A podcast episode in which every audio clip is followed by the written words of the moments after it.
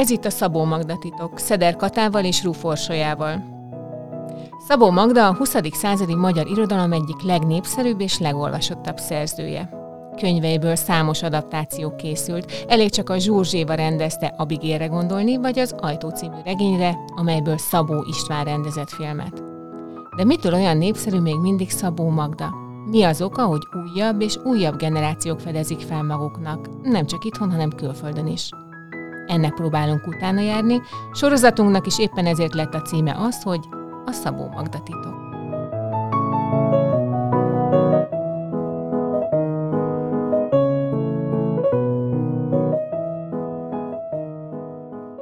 Jó napot kívánok! Ez itt a Szabó Magda titok, a Könyves Magazin podcast sorozatának második adása. A mai alkalommal a régi módi történetet fogjuk kibeszélni. Én Ruf Orsolya vagyok, velem szembe pedig Szeder Kata ül. Hello, Kata! Hello! Mielőtt belevágunk, szeretném, hogyha egy kicsit beszélnénk magáról a könyvről, mégpedig azért, mert, mert ez egy olyan időszakban megjelent regénye Szabó Magdának, ami, ami már egy igazán beérkezett korszakban jelent meg. Ugye 77-ben jelent meg ez a regény, és és ugye az első adás témája például az Abigail volt. 78-ban már, már előkészítés alatt volt az Abigail sorozat, tehát akkor ez azt is jelzi, hogy már egy nagyon, nagyon népszerű, ismert szerzőről volt szó, akinek népszerű és ismert könyvei voltak, és 78-ban kapta meg például a Kossuth díjat is Szabó Magda, tehát elmondhatjuk, hogy ez már egy olyan korszakában megjelent könyve volt, 1977-ben, ami tényleg odafigyeltek a kritikusok és az olvasók olvasók is. És hogy íródik ez a könyv, azért erről lehetett már tudni, mert Szabó Magda abban az időben azért sokszor nyilatkozott erről, és miközben erre az adásra készültem, találtam egy cikket, ami az új írásban jelent meg 75 májusban, tehát a megjelenés előtt jó másfél-két évvel, és akkor a következőt mondta, írta Szabó Magda erről a regényről. Anyám gyerekkorán árnyék feküdt. Élete dokumentum regényén évek óta dolgozom, remélem meg tudom mutatni majd ifjú évei tragédiáját. És azért tartottam fontosnak ezt a mondatot, hogy ezzel kezdjük, mert hogyha a kulcsszavakra bontjuk, akkor szerintem nagyon sok minden benne volt van már, amit majd így kibonthatunk. Egyrészt tudjuk rögtön, hogy az anyáról szól, az anyának az ifjúkoráról, hogy ez egy dokumentumregény, ahogy ő definiálja, és szeretném, ha beszélnénk majd erről, hogy te mit gondolsz, és hát, és hát hogy tragédiaként definiálja ezt az életet, és szerintem ez is ma, a mai napon téma lesz, de, de akkor belekapaszkodnék ebbe a dokumentumregény definícióban, mert engem nagyon érdekelne, hogy te hogyan olvastad ezt a, a regényt? Tehát annyi skatujába bele lehet gyömöszölni, de neked mi volt a legkomfortosabb, vagy mi állt hozzád a legközelebb? Nekem elsősorban a családregény, az, ami, hogyha így elsőre mondanom kéne valamit, akkor, akkor beugrik. Másrészt pedig egy nagyon-nagyon izgalmas korrajz arról a, arról a Magyarországról, amit, amit úgy történelemkönyvekből annyira nem ismerünk, hiszen mint történelmi esemény itt Magyarország olyan sok minden a tanulmányink szerint nem zajlott, viszont ez a, ez a könyvbe is többször visszaköszön, hogy mennyire izgalmas és mozgalmas időszaka volt a világtörténelemnek, hogyha így tényleg a monarchia szempontjából nézzük, de elsősorban családregény, és, és hát ezt a, ezt a keszekúszasságot, különben amit ez a család felvonultat, ez bevallom, nagyon-nagyon nehéz is volt követni az elején. Nem először ö, olvasom a, a könyvet, hanem, hanem ez most már azért a többedik alkalom volt, amikor találkoztam vele, de azért mind a, a mai napig így el tudok veszni abból, hogy ki kinek a kicsodája, és hányféle álnéven szerepel ö, benne, de, de egy családregény abszolút, másrészt pedig valóban ez, ez Jablon Célenkének a, a története, de, de szerintem ugyanúgy története az ő szüleinek is, még hogyha nem is ők vannak hősies pozícióban emelve. Úgyhogy én éppen ezért, mivel annyira, annyira valóságosak a, a szereplők, és annyira élők, én és nem is nagyon tudtam fikcióként olvasni például, hanem, hanem tényleg, hát igen, mint egy dokumentum gyűjteményt, amivel előszeretettel játszik is Szabó Magda, és ezt le is írja a regénynek az elején, a keletkezés történetet kibontva, hogy hogy hát akkor, amikor ő elkezdett ezen a munkán dolgozni, akkor mindent, amit fel lehetett lelni, azt megpróbálta megkeresni, és nagyon érdekes az az indítás, majd beszéljünk egy kicsit a keletkezés történetről, de nagyon érdekes az az indítás, hogy egyáltalán mi inspirált ennek a könyvnek a megszületését. Mindannyian ugyanabból a, a kötetből dolgoztunk, ez egy, ez egy Európa kiadós, könyvkiadós példány, 2004-ben jelent meg, szerintem sokaknak ez a, ez a változat van itt otthon, és a, a fülszövegben már leírja azt, hogy mi, mi is indította, vagy indította el ezt a történetet benne. Anyámat 1967-ben veszítettem el, azt hittem, sose lesz belőlem épp ember a temetése után. Hogy valahogy talpra álltam, férjemnek köszönöm, aki szokott csöndes esténk egyikén nagyon is felfogott hallgatásomból, azzal a szelíd mondattal idézett vissza reális életünkbe, Rajtad mindig a munka segített. Miért nem élsz a magad gyógyszerével? Lenke, mindketten így hívtuk anyámat, mióta élsz, mindig begyógyította minden irreális, reális sebedet.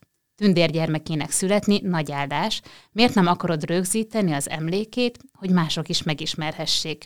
Te vagy az egyetlen, aki megteheti és képes erre.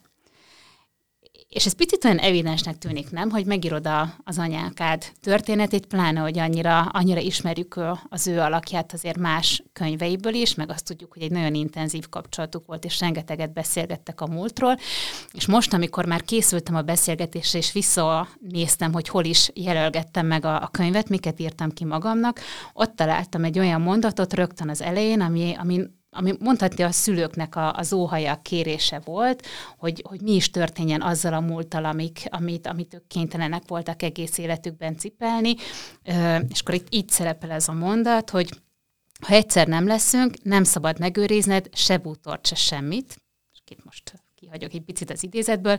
Nem akarom, hogy hátra néz, néz előre. Nem akarom, hogy a varróasztal egy régi szekrény. Azt akarom, hogy neves, hogy szabad légy tőlünk, hogy ne fájjon. Ehhez képest?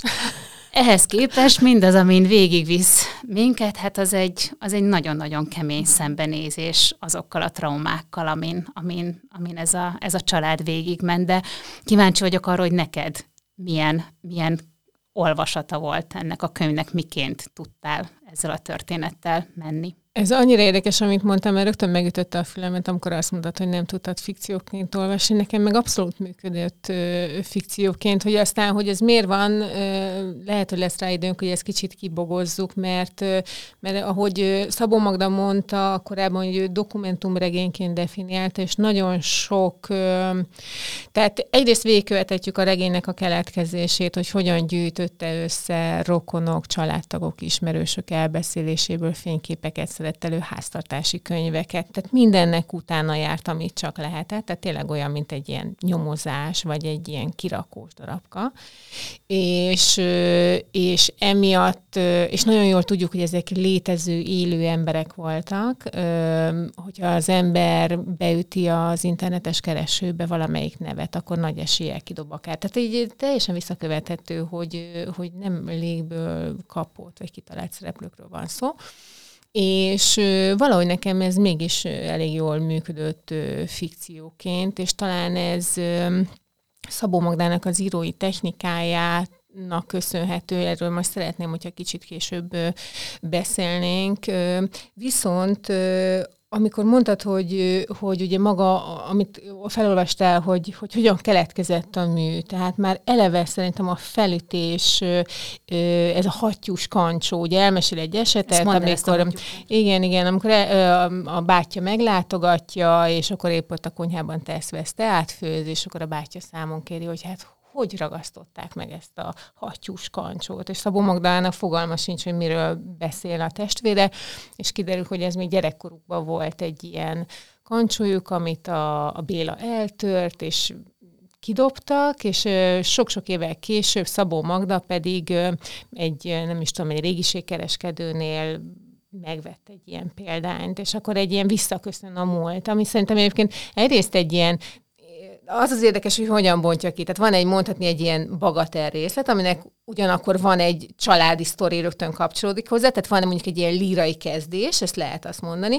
Hozzáteszem, hogy zárójelet nyitok, amikor kitettünk egy részletet a régi módi történetből, oda betettem egy olyan fotót, amit Valuska Gábor készített akkor, amikor Szabó Magda utolsó otthonában jártunk pár évvel ezelőtt, és a polcon megtalálható ez a hattyús kancsó. Tehát ez a mai napig egy, ugye megint ez, hogy ez a dokumentáljuk az életet, és ez bekerült a könyvbe, tehát ez egy létező tárgy, és egyébként kicsit úgy működött ez a hattyús kancsó, szerintem itt Szabó Magdánál, mint a, a Madeleine, ugye Proustnál, hogy így, hogy így egyszerűen ki, kinyílik egy kapu és akkor egy csomó minden, csomó emlék minden előjön, tehát így, így indul a regény, és innen bontja ki, és egyébként az is nagyon szépen végvezethető, ahogy Szabó Magda bevezet minket abba, hogy hogyan hogyan állította össze, hogyan írta ezt a regényt. És akkor ö, szeretném, hogy egy kicsit Tegyük fel, hogy van olyan, aki egyáltalán nem ismeri ezt a regényt, hogy, hogy ö, egy pár mondatban azért beszéljünk arról, hogy miről is szól. Ugye említettük ö, az édesanyját, Jabloncai Lenkét, aki abszolút a fő alakja ennek a, ennek a történetnek, de közben olyan, ö, olyan családi háló épül köré, amit te is utaltál, hogy néha nagyon nehéz így kiigazodni benne, és ez még csak egy dolog, tehát amiben belemegyünk, hogy micsoda dinamikák, mozgatták ezeket az embereket, micsoda dühök, és, és mindent elsőpről szeretet, és ragaszkodás, és megvetés, tehát egy ilyen, hát nem is tudom, ez a szó jut eszembe, hogy ilyen szappan opera, hogy ki, kivel és kivel nem, de ez, ez egy nagyon félrevezető definíció lenne, mert ennél sokkal mélyebb, ami zajlik, csak egyszerűen annyi embert mozgat Szabó Magda ebben egy ilyen rég letűnt világban, aminek a középpontjában az édesanyja van, de közben ott vannak a felmenői, a nagymamák, a nagynénik, tehát ez egy ilyen eszméletlenül színes, panoptikum, amiben így bevezeti az olvasót. Maga a történet, ha nem is maga a konkrét történet, de szerintem ahonnan ugye szereplők belépnek ebbe a könyvbe, az, az, az ugye a szabadságharc utáni ö, időszak, és, ö, és hát aztán a kiegyezés, a vele, vele jövő ilyen nagy nagy polgári fellendülésnek az időszak, és az első világháború utolsó előtti évében ér véget a könyv, egész konkrétan akkor, amikor Szabó Magda 1917. október 5-én megszületik. De hát ahonnan viszont így elkezdi eredeztetni, hogy ki kicsoda és miként, hát ott nagyon-nagyon megalapoz a, a, a, a család történetnek egyáltalán, hogy, hogy micsoda örökséget hurcolnak magukkal ezek az emberek, és hogy ezek az örökségek micsoda elvárásokat. Szellemi örökség. Szellemi örökséget, sőt, akár a közéletben ö, betöltött szerepük folytán ö, jövő státuszt és a vele járó ö, felelősséget. Tehát, hogy, hogy ezek mind olyan békjók, is részint, amik egyrészt megadják nekik a, a rangot a, ebbe, a, ebbe az alföldi világba, másrészt pedig hatalmas nagy elvárásokat támaszt valamennyi szereplő felé, tényleg így a leg, leg, leg ö, szembetűnőbb ellentétek azok, hogy mondjuk valaki katolikus-e vagy, vagy protestáns, hiszen egy ilyen nagyon-nagyon milyen vallásos és, és tiszteletben álló igen. katolikus családról van szó, egyrésztről, ami a Jabloncai mm. és a Riköl család, aki, a, aki a, az apai ág ö, Lenke részéről, másrészt pedig ott van a nőnevelés jelek képviselője, a református lelkész, Gacsári és, és síró és bányai, és nem tudom én milyen család a, a másik részről, tehát itt már eleve ugye két világ uh-huh. találkozik egymással, ami elképzelhetetlen, másrészt pedig, és hát ugye ez az az időszak, amiről, amiről rengeteg, tehát a magyar irodalom 19. századi művei tele vannak ezekkel a gentry alakokkal, tehát tele vagyunk olyan földes urakkal, akik, akik mulatnak, elkártyázzák a pénzüket, egyszerűen nem becsülik meg mindazt a, azt az örökséget, ami, ami évszázadok óta mondjuk a, a családjuk rendelkezésére áll, hiszen itt a jabloncai család, ugye Lenkinek az apai ága egészen az Árpádokig ö, húzza vissza a, a, a, a családnak a vérvonalát, tehát hogy büszkék a státuszra, a rangra, de hát igazából egy fillérjük nincsen, tehát van ez a gentry, földműves vagy földbirtokos családnak, és hát ott a kalmár, kereskedő. a kereskedő, igen, és ugye ez is többször elhangzik, hogy hát kalmár a kalmárhoz, földbirtokos a földbirtokoshoz, amire van egy egyszerű megfogalmazás is a végén, mint ilyen, ilyen arany igazság, hogy hát agárkutya az agárkutyához, kopókutya a kopókutyához, tehát hogy ezekből a keveredésekből semmi jó nem sül ki, és hát így belegondoltam, hogy hát tényleg ilyen kasztrendszerekben mozgunk, és hát azok a kapcsolatok, amik itt létesülnek, mind, a, a, mind a, az idősek ősi igazságát támasztják alá, hogy kaszton belül, vagy kasztok közötti keveredés az csak katasztrófát és, és, és bajt szülhet. És hát a történet jelentős része az, az, az, az tényleg ez az 1000 800-as évek vége, 1900-as évek eleje, ahol, ahol már elkezd az egy picit így, így, így be, bekacsintani, hogy egyáltalán a nőknek milyen lehetőségei vannak. Itt a, az anyád, bár elmondja, hogy Jablonc ezt a so, szót soha nem használta volna, ilyen feminista előhírnökként ö, teszi elénk, és mondja meg, meg neki is. Tehát, hogy egy ilyen nagyon izgalmas korszakban vagyunk, ami, ami, ami tényleg egy ilyen, egy ilyen, egy ilyen arany élet, ha, ha, ha a polgári közeget és milliót nézzük, és aminek a zárása az eléggé, eléggé tragikus zárása az az első világháború, és hát ugye ezért is szokták azt mondani, hogy ez egy hosszú 19. század volt, ami igazából 1918-ban vagy hát 14-ben ért véget de hát itt, itt mindenkivel minden történik, tehát mint ahogy te is mondod, mint egy ilyen szappanoperába ármány és, és, és viszonyok és házasságon kívül szedett gyerekek és kitagadások és, és hát minden, ami, ami, ami, és pont ezért nem tudtam szerintem fikcióként olvasni, tehát hogy, hogy hogy egy regényben olvasva is úgy, úgy, úgy, úgy tragikus, de itt látva, hogy ez mit csinált az emberekből, és, és mit csinált, teszem a Szabó Magdából, vagy hát belőle pont nem, de hogy mennyire megnyomorította az ő szüleinek az életét, és visszamenőleg még, még jó pár családtagét, tehát ez annyira itt van előttünk, hogy, hogy egyszerűen képtelen voltam elvonatkoztatni attól, hogy ez, ez, ez élesbe történt, és hát nem csak velük, tehát valószínűleg rengeteg ilyen példát találnánk még szerte a nagyvilágban. Annyival egészíteném ki, hogy mindenhez ugye a, magát a helyszínt és a hátteret Debrecen szolgáltatja. Tehát mint a sok Szabó Magda regény esetében, ugye megint egy ilyen nagyon erősen lokalizálható helyszínen vagyunk, és, és talán ezért is van az, hogy amit, amit talán rögtön a legelején ír Szabó Magda, hogy hát a, a család tagjai egymás életének színhelyein keresztül kasul jártak, tehát hogy nem is sejtették még, de valahogy valahogy mindig így keresztezték egymás útjait, és habár, hogyha valóban ezt az ősi ökölszabályt követték volna, akkor ezeknek az embereknek sosem lett volna szabad mondjuk házasságot kötniük, és aztán a sorsuk alakulása az valószínűleg ugye a nagymama Rikl Mária ö, igazságát ö, támasztotta alá, hogy hát nem jól választottak, holott ugye az is egy nagy lángoló szerelemnek indult. Ez a, a hát meg ő is áthágta ezt a Abszolút áthágtam. És aztán utána egész életében ugye azon volt, hogy mentse, mentse a menthetőt, és a, a családját ö, ö, fent tudja tartani, de, de valóban egy ilyen nagyon-nagyon heterogén, valahol szerepel az is, hogy politikai felfogás tekintetében is egy ilyen rendkívül sokféle család volt, és hát ennek a családnak az egyik ö, hát hogy is mondjam, ilyen kimagasló alakja, az pont a Lenke édesapja, ugye Jabloncai Kálmán a junior, ő, aki, akiben nagyon sokáig bízik az anyja. Tehát bízik abban, hogy jó házasságot köt, és végre a család hírneve megint ugyanolyan fényesen ragyoghat. Igen, de itt ugye fontos elmondani, hogy miért fontos az, hogy hogy jó házasságot kössön. Hát azért, mert az apuka meg a nagypapa azt az irgalmatlan vagyont. felfoghatatlan uh-huh. vagyont, ami, ami, ami, ami nekik ott volt, azt uh, se perc alatt elherdálta. Igen, és hát, hogy én kiírtam magamnak, hogy a Jabloncai Lenke hogyan, mi, milyen, kategóri,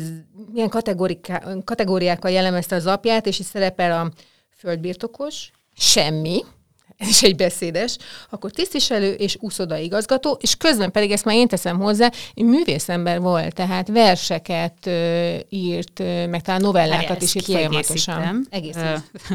Itt a könyvből vett idézettel jópipa, kártyás, lóversenyző, mérnök, irodista, gazdálkodó, uszodás, játékos, magánzó, erkölcsbíró. Ez mind. Egy Ez ember. mind. Egyébként, ami nekem feltűnt a, a regényt, most már sokat gyere olvasva, hogy, hogy mennyire jelen idejűként élt Szabó Magdában a múlt. Tehát itt vannak ezek az emberek, akiknek jó része már az ő életében sem élt, és mégis úgy élnek, vagy úgy tűnik, hogy úgy éltek a fejében, mint a személyes ismerősei lettek volna egytől egyig. És nekem lehet, hogy a fikciós olvasatot valahol mm. nem tudom, tehát ez is, ez is valahogy így, így hozzátett. Viszont ha már az előbb beszéltünk juniorról, szeretném, hogy a pár szót ejtenénk a nevekről. Mert ez annyira jellegzetes ebben a könyvben, és a, ugye a mi példányunkban, ebben az Európa kiadásban a legelején van egy ilyen kis népszedet, hogy a Kismester utcai ház lakói, és akkor itt például a nagypapa, aki a Jablonca Imre, az átkozódó. Tehát ez is egy beszédes név. Vagy hát itt van ugye Jabloncai Kálmán junior, aki Darvasi Muki és Hektor gróf neveken is futott. A, neveknek ez a játékossága, ez, ez eléggé megnehezítette szerintem Tényleg? az első olvasatot. Uh, igen, mert későn fedeztem fel egyrészt, hogy itt van egy ilyen magyarázat, hogy ki kicsoda. Másként, amikor hol Gizella van, hol Melinda. Van egy ilyen nagynéni, ezt mondjuk igen, a igen, párkák a pár, Igen, egy, eleve a párkák, tehát Lenkinek a nagynényei, apjának a, a hugai, vagy, vagy nővé, hugai és nővérei, tehát a három, három leányző, mint párka, és hát eléző, ez is elég beszédes, párkaként szerepelnek rengetegszer, és hát mindegyiküknek volt egy álneve, eleve a, a, az édesapja rengeteg titkos társaságban mozgott, ugye akkor ennek e, nagy divatja volt, és akkor mindig titkos társaságban természetesen más neve van, meg hát e, előszeretettel művelte is a, a, az irodalmat, roppant trükkös módon, számtalan szerelmes verse maradt fent, több példányban, több hölgyhöz írva, azzal az egyszerű kis trükkel, hogy egyszerűen csak újra kellett másolni, és mondjuk a az épp dicsért hölgy szemeszínéhez igazítani a szemszint és a nevéhez a rímet, meg hasonlók. Tehát, hogy, hogy, hogy tényleg egy ilyen, egy ilyen ilyen játékos volt minden, minden szempontból, és hát már az volt a, a, a saját apja is, a szenior Kálmán, tehát az az egészben az izgalmas, hogy egy olyan tehát, hogy olyan emberekkel találkozunk, akiknek igazából az a tragédiája, hogy, hogy, hogy oda születtek ahova. És hogy be kell teljesíteniük azt, amit, amit, amit a családjuk, a sors az, az rájuk mért. Nem is nagyon léphetnek ki belőle, viszont arra pedig képtelenek. Tehát akár senior, akár junior, akiknek ilyen hatalmas, nagy, klasszikus műveltsége van, és minden tud a csillagokról, a történelemről, az irodalomról, tehát tehát nem egy gazdálkodónak való valaki, elküldik mérnöknek, mert hát majd a földet azt kezelni kell, de hát látszik, hogy irodalomból jeleskedik, számtamból pedig egyszerűen bukásra áll folyamatosan. És hát ugyanez a tragédiája igazából, igazából ö, Lenkének is, hogy hát zseniális tehetsége van szinte mindenhez, kivéve a színjátszás, ez ugye ö, le is van írva, de hogy, de hogy, de hogy nem töltheti be ezt a, ezt, ezt, a, ezt a sorsot, ezt a pályát, mert mert nincsen meg hozzá semmiféle lehetősége az elődjei harácsoló élete miatt. Ha már mondtad a játékosságot, akkor itt ebbe, erre rácsatlakoznék, mert van egy rész a regényben, amit Szabó Magda idéz fel, amikor már az idős Lenkével, az édesanyjával beszél, és akkor mondta azt neki Abloncai Lenke, hogy mindenkinek neve volt abban a házban. A te mindenkinek nevet, ad, nevet adó mániádat a nagyapától örökölted, majd később hozzáteszi, hogy a játékosságodat is. Tehát ez is egy kicsit, kicsit minden afelé, az író felé mutat. Tehát, hogy vannak ilyen apróságok, amik aztán így Szabó Magda életében vagy munkásságában így aztán így beszüremkedtek valamilyen szinten, és lehet, hogy ez a, ez a mánia és ez a, ez a névadás, ez is, egy, ez is egy ilyen. Egyébként nekem az nagyon érdekes volt, hogy a, a szülők és a nagyszülők az esetek nagy részében teljes vezeték Igen. szerepeltek, aminek van egy kicsit egy ilyen eltávolító hatása, de például az is feltűnő, hogy a Rikli Mária, aki ugye a, a nagymamája volt Jabloncai Lenkének. Aki felnevelte. Aki felnevelte, rengetegszer úgy szerepel, hogy a Kalmár lány ami egyrészt szerintem egy nagyon szigorú szó, hogyha azt vesszük, és, és az is érdekes, hogy nem mondjuk nagymamaként, vagy déd nagymamaként hivatkoznak rá, tehát nem a családban elfoglalt pozíciói alapján, hanem a, hát nem is tudom, ez foglalkozás, a származás, nem családi származás, hogy egy kalmár családból származó lány, de nekem az feltűnő volt, ez egy nagyon kopogó, nagyon komor hangzású név, és nagyon eleve sokszor a, szerepel. Eleve a neve is, különben Rikül Mária, vagy ha belegondolsz a másik nagymamába, sőt dédmama, mert hogy az édesanyját tehát a Lenke édesanyját is a nagymama nevelte Bányai Rákel, Ráhel, tehát hogy ezek én, azon gondolkodtam, hogy az elején ugye kapunk egy levezetést arról, hogy ki honnan jön, kik az ősök, és hogy azért, hogy így követni lehessen, tehát ő egy bányai lány, ő egy rikül lány, ő egy jabloncai fiú, és már azzal, ha meghallod a nevet, azzal ugye pozícionálja, és főleg mondjuk egy ilyen debreceni közegbe, és most így utána néztem, a Kalocsa Róza neve többször előfordul a, a könyvbe, akinek 1840 1884-ben jelent meg az Illem könyve című, hát majd 700 oldalas kötet, ami a, a élet minden területére ö, megmondja, hogy hogyan és miként Ez egy ilyen protokoll, biblia, vagy viselkedés, hát egy viselkedés útmutató. Igen, társadalmi szerepektől kezdve ö, a, a leg, leg, leg, legalapabb ilyen társas érintkezés szabályait is, is megadja, és ez, ez rengetegszer előjön, hogy hát így nevelték. Tehát az anyát is, Gacsári Ámát is ennek megfelelően nevelték őt is, legegyszerűbb példa, étkezésnél úgy ülsz az asztalnál, hogy a hónod alá mindkét oldalt egy-egy könyv van beszorítva, tehát, hogy hogy ott Kalocsa Rózánál szerepel az, hogy a, a névjegykártyára, a vizitkártyákra, mert hát ugye a látogatásoknak is megvolt a, a, a rendje, oda rá kellett írni a lánykori nevet is, vagy hát úgy, úgy volt illendő. Egyszerűen, hogy tudjad, hogy, hogy ki hova tartozik, mert attól mondjuk jabloncainél leszel, attól te még rikül vagy. Másrészt pedig nekem ezek a, a, akár a kalmárlány, akár a prédikátor, akár a, a kanok, rengetegszer a férfiak azok, mint kanok. Mi hasznak kanok. Mi hasznak mhm. kanok, igen, tehát mint ilyen eposzi jelzők lennének kicsit, és ezzel, amit mondasz is, hogy a kalmárnak ez a ridegsége és, és számszerűsége, ez, ez, ez sugalja ez a, ez a jelző, szerintem ez is volt vele a, a cél, hogy igen, ő egy, egy, egy, egy ilyen típusú de ember. közben, igen, mondhatjuk azt, hogy ennek van mondjuk egy ilyen negatív felhang, de közben, hogyha meg jobban belegondolom... Szerintem nem negatív felhang nem, Ezt akarom még mondani, hogy nem, nincs ebbe az is benne, hogy itt van egy nő, aki kénytelen átvenni a család főszerepét egy olyan korban, amikor ez nem... Tehát szerintem nagyon sok nő volt kénytelen ebbe a szerepbe belesimulni, vagy ezt a szerepet átvállalni, de hogy, ilyen... igen, de hogyha azt veszed, akkor nem, tehát hogyha az általánosan elfogadott nézet, meg nyilván az volt, hogy a férfiaknak kell a család főszerepét szerepét játszani, vagy betölteni, és itt Richli Mária kénytelen volt egyszerűen, hogy összetartsa a családot, hogy enni tudjon adni a gyerekeinek, az unokáinak, hogy a házat fent tudja tartani. És amikor az előbb arról beszéltünk, hogy itt volt két család, ugye volt a Bányai Rákel, és volt a Richli Mária, akik tulajdonképpen tűz és víz, tehát mint hogyha a pólus két oldalán állnának, és közben pedig nagyon-nagyon hasonlóak voltak, és írta is Szabó Magda egy helyen, hogy keze ugyanolyan biztos volt, mint Richl Máriáé. Tehát, hogy ez a két nő talán a vallás miatt volt, hogy ennyire, vagy ugye ezek a szerencsétlen kapcsolatok, hogy a gyerekeik így összeálltak, miközben nekik teljesen más tervék voltak velük, tehát teljesen eltávolította ezt a két asszony, miközben egy alapesetben meg ugyanonnan jöttek, tehát ugyanazt a nevelést kapták, ugyanazt a nagyon szigorú, akik odafigyelnek a beosztásra, akik szabályozzák az életet, aztán persze az egy más dolog, hogy a gyerekeik ezzel, ezzel nem mindig tudtak mit kezdeni. Itt, a, amikor Bányai Rákerről elkezd beszélni, akkor van is egy olyan mondata, hogy hát Magyarországon nem volt ritka a Bányai Rákel típusú idős nő.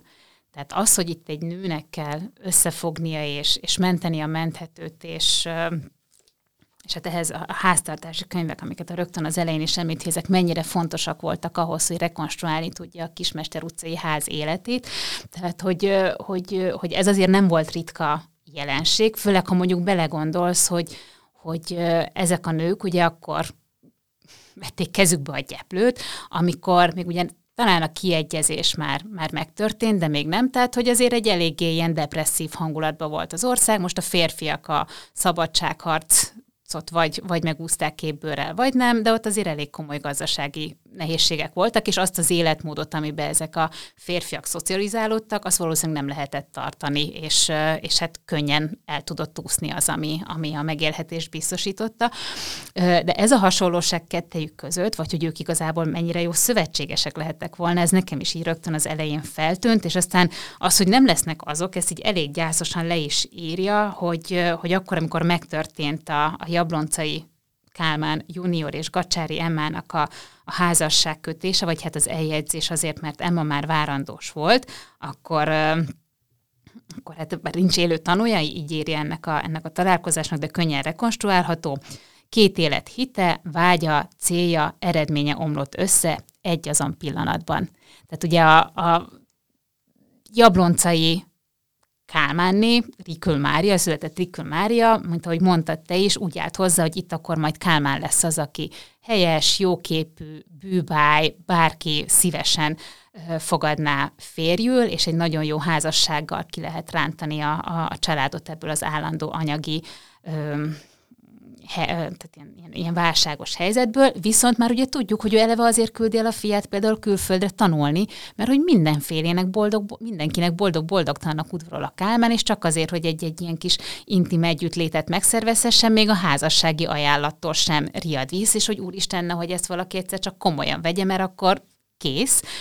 Majd ugye elküldi Grácsba, hogy tanuljon, gyereket hazavágják, mert rosszak az eredményei, meg kibukik onnan, hatalmas nagy adósságokkal, majd kicsapja vidékre az apjával pallagra, hogy akkor itt van a majdnem megszerzett mérnöki diplomád, akkor legalább azt a tudást ültesd át a gyakorlatban, amit megszereztél kinkeservesen, de hát ott meg unja magát, és hát az is nagyon döbbenetes és nagyon kis bájos a maga módján, ahogy ugye be beteszi a lábát a gacsári házba, és mint ilyen lelkes prédikátor, kutató, uh, kutató igen, szeretne mindent megtudni arról, hogy hogy is volt, és miként volt, és ezzel bányai rákelt lenyűgözi egészen addig, amíg ugye el nem kezd uh, kokettálni. Hát, amíg csak kokettálni. Hát, amíg csak kokettálni. igen. igen, csak hogy ennek aztán gyerekek sora lesz a, igen. a, az eredménye. Egyébként, hogy mennyire hasonlít a két asszony, ö, ö, valahol szerepel, hogy, tehát ugye amikor összeomlik mindkettőjük élete, és hát ö, ott, ott minden, ott álom, minden, minden szerte foszlik, és hát nyilván ez hatalmas indulatokat gerjeszt mindkét nőben,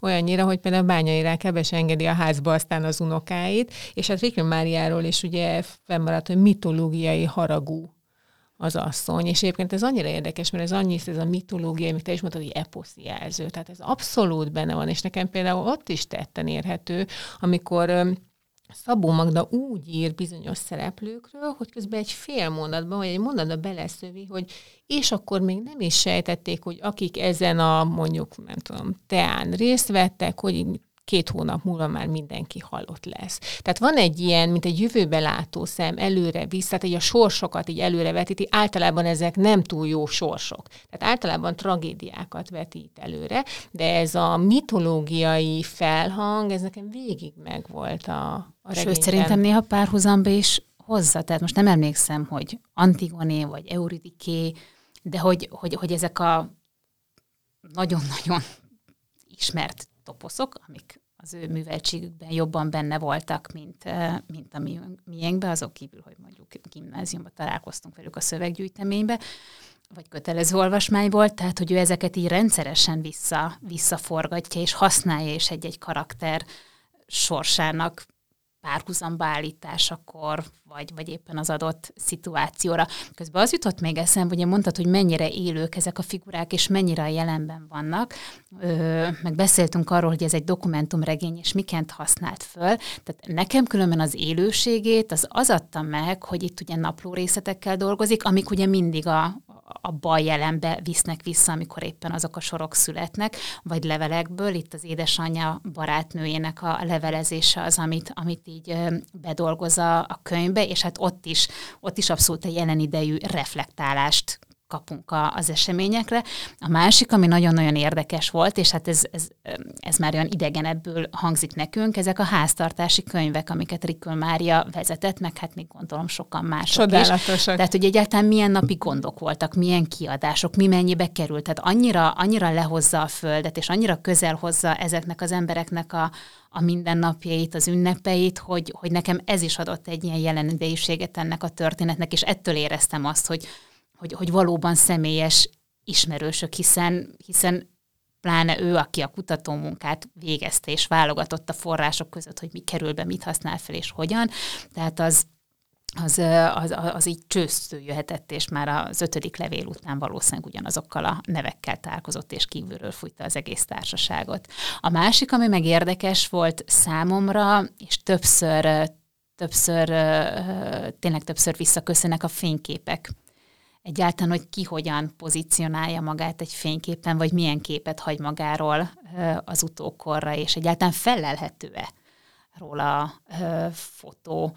Ezek is ilyen, próbáltam utána keresgetni, hát így úgy képet lehet kapni mondjuk a, felmenők egy részéről, de különben meg azért a fantáziára van bízva, hogy a lélegzet állítóan jó megjelenésű szeniort, Kálmán szeniort hogyan képzeled el, vagy miként jelenik meg egy, egy Rikül Mária, vagy egy csodálatos szépségű jabloncélenke, akiről különben meg fotót is találunk. Egyébként képzeld el, amikor öm, öm, Szabó Magda utolsó lakhelyén jártunk, akkor ott volt egy festmény valamelyik falon, és a, a keresztfia elmondta, hogy ugye többször előjön a gályarab ős. Igen aki, aki szintén, amit mondtál, hogy ugye milyen szellemi örökséget kapott, tehát például ő az egyik. Igen, és de ő ezt meg hogy élte meg? Tehát ő úgy élte meg, amikor kiderült számára, hogy ő református, szerintem pont az a jelenet az, amikor ő azt hiszi a, a nagynénye apjára, a szikszaira, szá, vagy a, az uszodás, hogy ő a keresztapja, és akkor ott megkapja a nagynénitől, aki nem annyira szereti a lenkét, hogy hát nem, meg hát gája robok, és meg tehát, hogy rab Uh-huh. Tehát, hogy ez is valami bűnös dolog, és nem pedig olyan, amire egy büszkének kellene lenni, mint hogy a későbbiekben aztán Szabó Magda büszke. büszke lesz. Tehát Igen. az, hogy megőrzött mondjuk egy festményt, és az élete végéig megvolt, szerintem ez abszolút, abszolút arra utal, hogy megvolt. Én azt éreztem, hogy a képi ábrázolásoknál, amikor arról volt szó, hogy főként az anyjának az ábrázolása volt, ami, ami egyrészt nagyon fontos lehetett, meg amik nagyon részletesek, meg úgy látszik, hogy így mindig így szíven üti, meg érinti, hogy, hogy mondjuk a fiatal lánk. Egyrészt ugye ez a kiszolgáltatottság, ami és hát amikor nővé érik. Tehát ugye itt van egy ilyen nagy, nagy váltás, hogy a, a lenke, aki egy ilyen, tényleg egy ilyen nem, nem emlékszem a pontos megfogalmazása, eleven szülők árvája, talán így, igen, így, így fogalmazott. Így, annyit itt, igen, eleven szülők árvája volt. Igen, tehát ugye úgy neveli a nagymama, hogy, hogy ilyen szinte ilyen kegyelem kenyéren, és ijeszgetik a nagynénik, tehát tényleg egy ilyen pokol az egész a gyereknek, és aztán történik valami, amikor így elkezd talán kamaszodni, tehát ezért nagyjából ez egy ilyen gimnazista kornak megfeleltethető, amikor uh, Rikli Mária egyszerűen beleszeret a saját unokájába, Igen. és ezt aztán a lányai a szemére is vetik, hogy egy olyan, olyan szeretettel közelik, hogy talán egyedül, talán a férjét szerette ilyen szeretettel, Igen.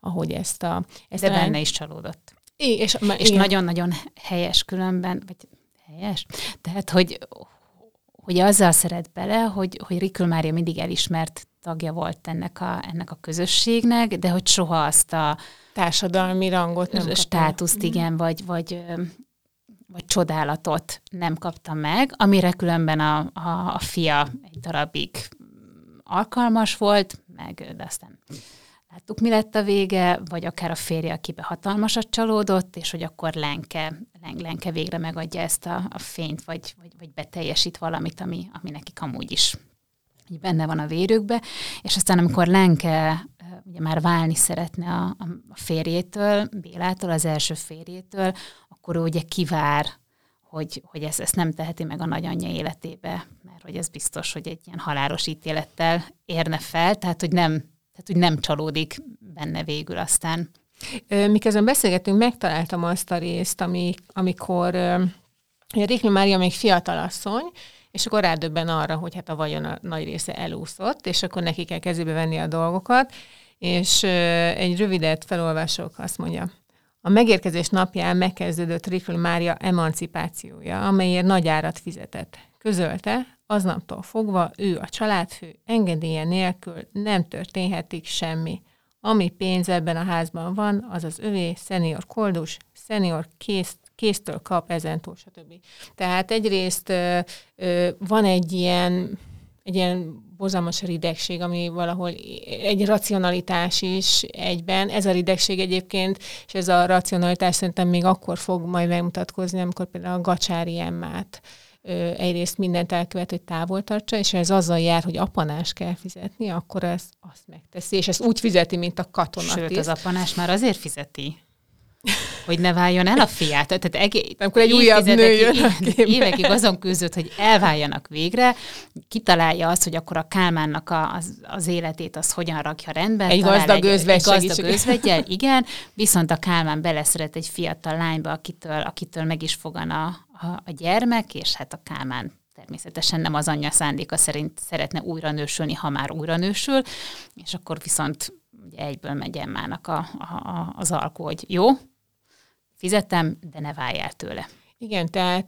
de közben ugye valahol uh, Rikla Mária egy olyan szerepbe kényszerül, ami, ami, ami nagyban megelőzi korát. Tehát egy olyan helyzetben kell helytállnia, ami előtt nem biztos, hogy előtte van minta, tehát ennek a szabályrendszerét neki magának kell kitalálnia, és aztán később szintén volt egy rész, amikor felfogja, hogy hát csak saját magára számíthat, és akkor feltűnt, hogy mindössze 37 éves. Igen. Tehát végig úgy jelentkezik a szövegben, mintha egy matrónáról lenne szó, közben a mai felfogásunk szerint egy ilyen késő 30-as, és aztán mondjuk ilyen kora 40-es, amikor egyszerűen kénytelen hát az fiatalabb nálunk. De abszolút. Tehát kénytelen az asztalra csapni, és azt mondja, ez így nem mehet tovább, különben mindannyian koldusbotra jutunk. És, és amikor erről beszélünk, hogy milyen ez az asszony, tehát ez ez megint egy olyan aspektus, amit egyszerűen nem lehet figyelmen kívül hagyni. Na, de nézzük tovább, mert ugye én alapvetően azt gondolom, hogy itt az asszony alakok között nagyon erős nők vannak, tehát van közte tényleg olyan, aki, aki ahogy az előbb is mondtuk, hogy kénytelen helytállni, és aztán vannak a, a bukott nők, aki egyszerűen nem tudnak nem tudnak ebben a közegben megfelelni, vagy előre jutni. Gacsári Emma, ugye Lenke édesanyja, hiába szeretne dolgozni, egyszerűen nincsen rá lehetősége. És aztán ott van Lenke, ugye a másik központi alak, aki, aki egyszer, akiből egyszer kitör az, hogy ha ő valaha szabad és független lehetne. És ugye itt jön be szerintem kicsit az, amit mondtál az elején, ez a, hogy hát talán feminista szót akkor nem használták, de nála nagyon erősen ben van. Tehát egy nagyon erős művészi ambíciókkal és tehetséggel megáldott nőről van szó, aki lehetne akár zongoraművész, de, de az íráshoz is tehetsége van, ugye Szabó Magda írja, hogy azokból a mesékből, amiket Lenke mesélt annak idején, hát ezekből később ő írt mesét, és itt, hogyha egy itt találtam egy szintén ez, az, ez a, egy ilyen késői vallomás, ez szintén az új írásban megjelent cikkében, ezt így felolvasnám, ezt az édesanyjáról írta a következőt hogy milyen volt írónak, ki tudná nálam jobban, aki elsősorban tőle örököltem a fantáziámat, aki maga kitalálta mesével, előzte az éjszaka félelmét, a rosszul létet, a lázat, és aki csodálatos képzelő tehetsége figuráiból két regényt, és a bocsánat, és aki csodálatos képzelő tehetsége figuráiból két regényt építettem fel, a Sziget Kéket és a Tündérlalát. Tehát adott egy nő, aki egyszerűen nem tud kibontakozni, tehát ez elég egyértelmű a regényből, és, és aki a, a tehetségét és a képzelő erejét és a képzelő erejének a, a, a teremtményeit, azt tulajdonképpen továbbadja egy generációval. És aztán a lánya lesz az, aki, aki ezt megvalósítja, és aztán ö, azt, is, azt is írta, hogy tulajdonképpen ö, az apja, tehát az apjától, tehát ami, ami Amivé Szabó Magda lett, az tulajdonképpen két irányú. Tehát az apjától is nagyon sokat kapott, és az anyjától is egy olyan mesevilágot, egy olyan tündérvilágot építettek föl, ami, ami egyfajta burokként burokként működött, és ez szintén ezt a szülőkről írta, hogy hogy mindketten, tehát mindkét szülője hajlíthatatlan akaratú emberek környezetében nőtt fel, és egyik sem azt csinálta, amire hajlamai jogosították volna. Mikor megszülettem, programszerűen úgy indítottak el az életbe, hogy miért felfogom, mit jelent, tüstén tudjam, magam leszek a sorsom alakítója, igaz, hogy magam is felelek majd érte.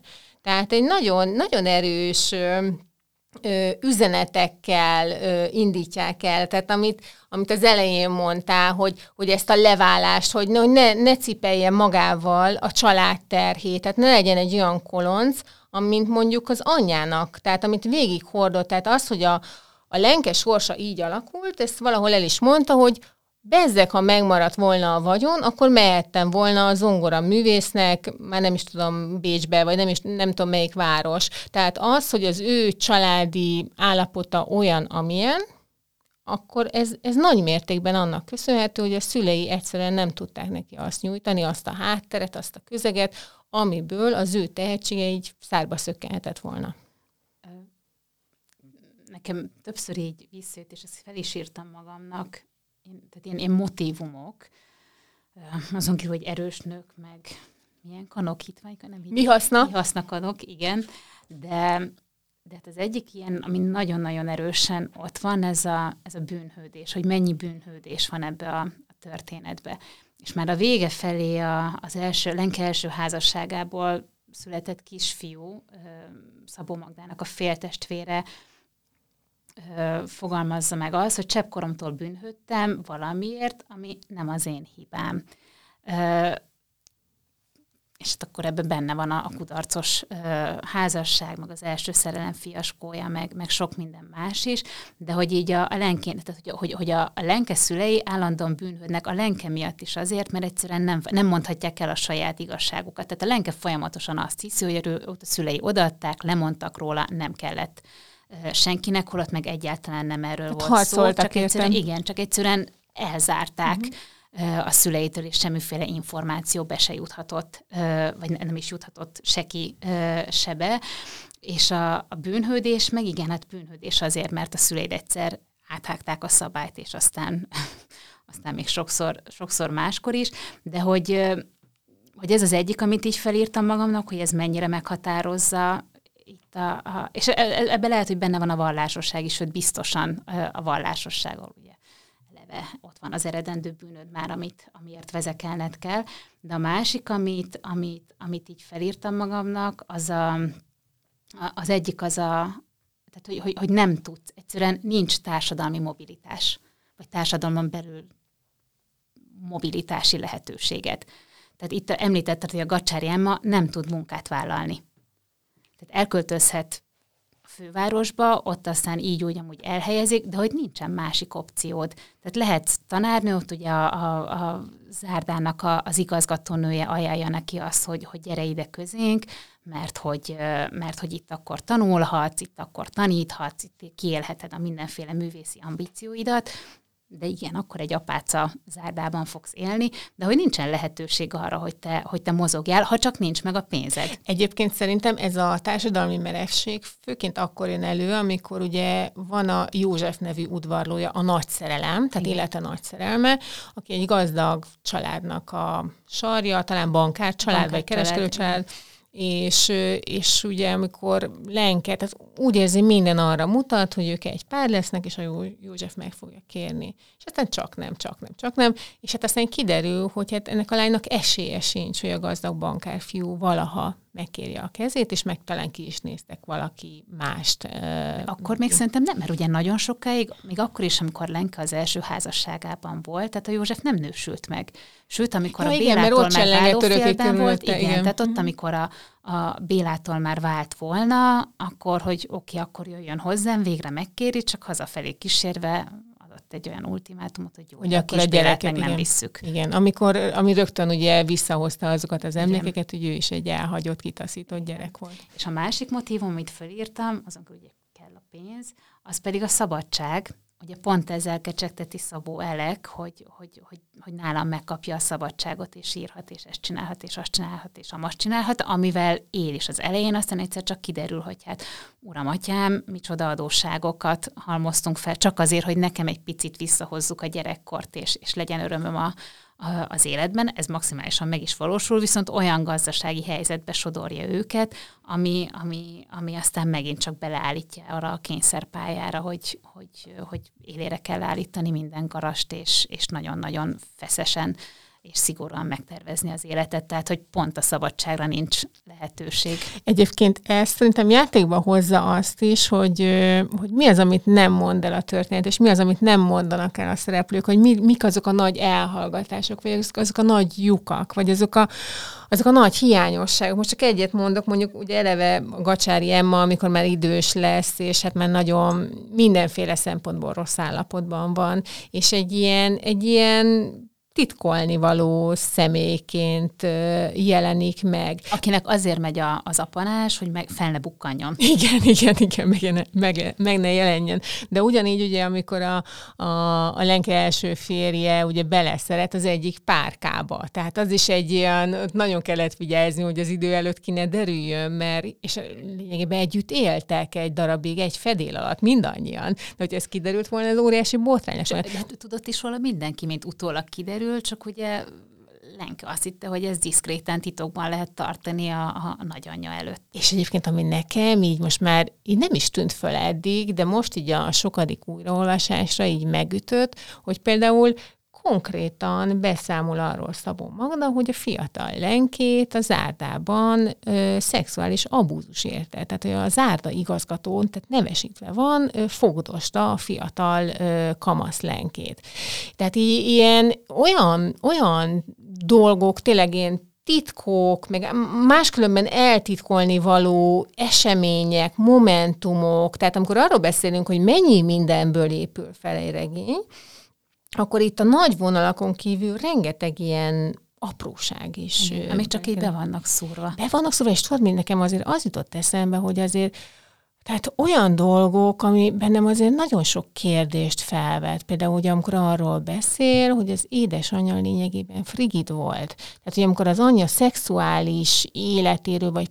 Szerencsétlen biológiai képlet. Pontosan. Tehát ami tulajdonképpen mindkét házasságát valahol megkeserítette, mert egy olyan, az együttlétekre egy olyan összeszorított fog. Hát tényleg ilyen kötelező dologként, hogy nekem ez kötelessége megtenni, de borzasztóan szenvedett, emiatt pedig a férfiak is szenvedtek, és bennem az egy kérdés, hogy amikor pár éve ugye megjelent a norvég nőzgornak a, a harcom sorozat, és főleg amikor az első, ugye a Halál című kötet megjelent, és ugye ott azért nagyon nyíltan írt a, írt a saját családjáról, az apjáról, a feleségéről, való viszonyáról, és óriási botrány is lett belőle. És tulajdonképpen Szabó Magda nem kisebb részletességgel ír a saját családjáról, és itt ezt olyan természetesnek, de senki nem hallottam, hogy felháborodott volna ezen, hogy, hogy tulajdonképpen ilyen nagyon intim titkok is a felszínre kerülnek, és, és aztán ez, ez nekem megint azt hozza be, hogy, hogy hogyan olvassuk ezt a regényt. És, és azt kell mondanom, hogy én, én ezt tudtam fikcióként olvasni, és talán ezért nem, és azt gondolom, hogy mások is így olvashatták sokszor, és ezért nem merül fel annyira, hogy ezért nem háborodunk fel, hogy hát ez hogy lehet, hogy ezek, ezek a titkok most így úgy beszélünk ezekről az emberekről, mintha az ismerőseink lennének közben, meg hogyha egy lépés hátra teszünk, hát ezek azért ilyen magán dolgok, amiket így, így nagyon, nagyon részletesen elénk tárt Szabó Magda ebben a könyvben. Vagy erről mit gondolsz? Így jön elő eleve az az eltávolítás, amit már a cím megad, hogy ez egy régi módi történet. Teljesen más világban jársz, egy, egy konkrétan másik világban jársz. Tehát, tehát lehet, hogy más lenne ezt, nem lenne más olvasni, hogyha mondjuk ez a történet a 40-es években játszódna, de hogy annyira mások voltak az erkölcsök, mások voltak a, a társadalmi érintkezésnek a szabálya, hogy miről lehet beszélni, és miről nem, és hát itt a e, Karócsa Rózában ugye le van írva az is, hogy a társalgásnak milyen témái lehetnek, és mit érinthetsz, és mit nem. Tehát, hogy egy, egy olyan, olyan leszabályozott közegben éltő, ami, ami már e, eleve megadja ezt az eltávolítást, hogy tehát, ezekkel most ne, tehát nem tudunk mit kezdeni ezekkel a, ezekkel a mitológiai haragokkal. Persze vannak, és ezek mind a mai napig sajnos megtalálhatók a, a, az emberek habitusában, de hogy, de hogy, hogy, hogy el van távolítva, és már a címmel eltávolít. Plusz ezek az emberek már mind meghaltak. Tehát most így ugye 67-ben halt meg az édesanyja, most akkor készültünk rá, akkor megnézzük, hogy sírkövek pontosan, hogy ki mikor élt. Tehát nagyjából mindenki, aki, mindenki aki, aki, aki ebbe a történetben szereplőként megfordul, ő már, ő már halott. De egyébként néztem korabeli kritikákat, és ez a kérdés egyáltalán nem merült föl. Tehát ez egy, ö, biztos van abban valami, hogy az olvasók egy része valóban régi módi történetként. Ö, nem a jelenbe, tehát a, a könyve az, az, a, az a jelenbe uh-huh. játszódik, vagy mondjuk ilyen pár évek. Igen, de ez nem, de ez szerintem nem, vissza. de ez nem von el abból, hogy, hogy, hogy valós emberek valós magánéletéről olvasunk egy könyvben. És úgy ráadásul, hogy igazából kicsit bontogatja is azt a mítoszt, vagy legalábbis nem bontja le, de érzékelteti. Tehát ugye azért elkezd ez egy picit gondolkodni a, a, a lenkének a, a, a makulátlanságán, vagy, vagy amilyen képként ő az anyját magában ápolja, vagy ugyanígy az édesapának a, a, a hibátlanságát, ami, ami, ami szintén nem. Tehát amikor leírja azt, hogy mennyire féltékeny volt, és, és, és hát különben ott van egy pont a legvégén, amikor így a lenke rájön, hogy hát úristen, ebből az emberből soha nem lesz soha polgármester. városvezető, igen, és hogy itt meg kell küzdeni a fennmaradásért. Tehát, hogy hogy, vagy, a, vagy az indulatai, amiket lefolyt, vagy a titkolózásai, tehát azért nem, nem annyira ideális emberpárként jelennek meg nekünk, miközben meg szülőként valóban egy olyan mesevilágot körítenek a gyerek, gyerek, gyerek élete köré, vagy a gyerekkora köré, ami irigylésem méltó, de pont, hogy itt mondtad, hogy, hogy ugye ez az idézet, amit felolvastál, hogy hogy élje a saját sorsát, hogy így az jutott eszembe, hogy mert hogy neki már tényleg nincsenek ott azok a Tehát ő, ő, már, ő már nem egy gacsári emónokaként van. Tehát az a világ eltűnt, ahol ő jabloncai volt, ahol ő gacsári volt, ahol ő nem tudom én ki volt, és itt azt hiszem, ö, valahol a, a, könyvben csak ilyen futólag meg van jegyezve, hogy az édesapjának a házasságon kívül született utolsó gyermeke, a Klára, ő ugye nem is jabloncaiként lett anyakönyvezve, és, és aztán a, a 40-es években nagykegyesen megengedték neki, hogy felvegye ezt a Jamlacai nevet, de hát nagy 70-es évek végén már senki nem akar felvenni egy ennyire úrias hangzású nevet, mert hát hogy abból csak baja van. Tehát, hogy, hogy pont, hogy ő akkor lépett ki a nagyvilágba, amikor minden ilyet eleve el kellett felejteni, hiszen teher volt. Egyébként érdekes, hogy azt mondod, hogy bontogatja a mitozokat, mert ezzel együtt viszont azt gondolom, hogy építés. Építés. Hát abszolút építés. Szintén a, a könyvben volt egy rész, amikor azt írja Szabó Magda, hogy, hogy junior szereti a hősöket és egyébként azt gondolom, hogy Szabó Magda is. Tehát ezek a, ezek a már-már mitológiai eposzi figurák, ezek a szélsőséges nagy érzelmek, ezek a borzalmasan nagy amplitúdók, ami mozognak ezek a szereplők, tehát ez, ez biztos, hogy amennyire bontja, de annyira épít is ezeket a legendás alakokat. Úgyhogy azt kell mondanom, hogy nekem is sokat gyára is mindig találtam benne felfedezni valót ebben a könyvben, úgyhogy aki esetleg régen olvasta, vagy, vagy mi nem olvasta, akkor szerintem jó szívvel ajánlhatjuk Abszolút. ezt a könyvet. Igen. Köszönöm szépen. Jövünk a következő könyvvel, a következő adásban, ami mi lesz? Az őz. Hát akkor az őzzel folytatjuk. Köszönjük szépen a figyelmet, viszontalásra! Viszontalásra!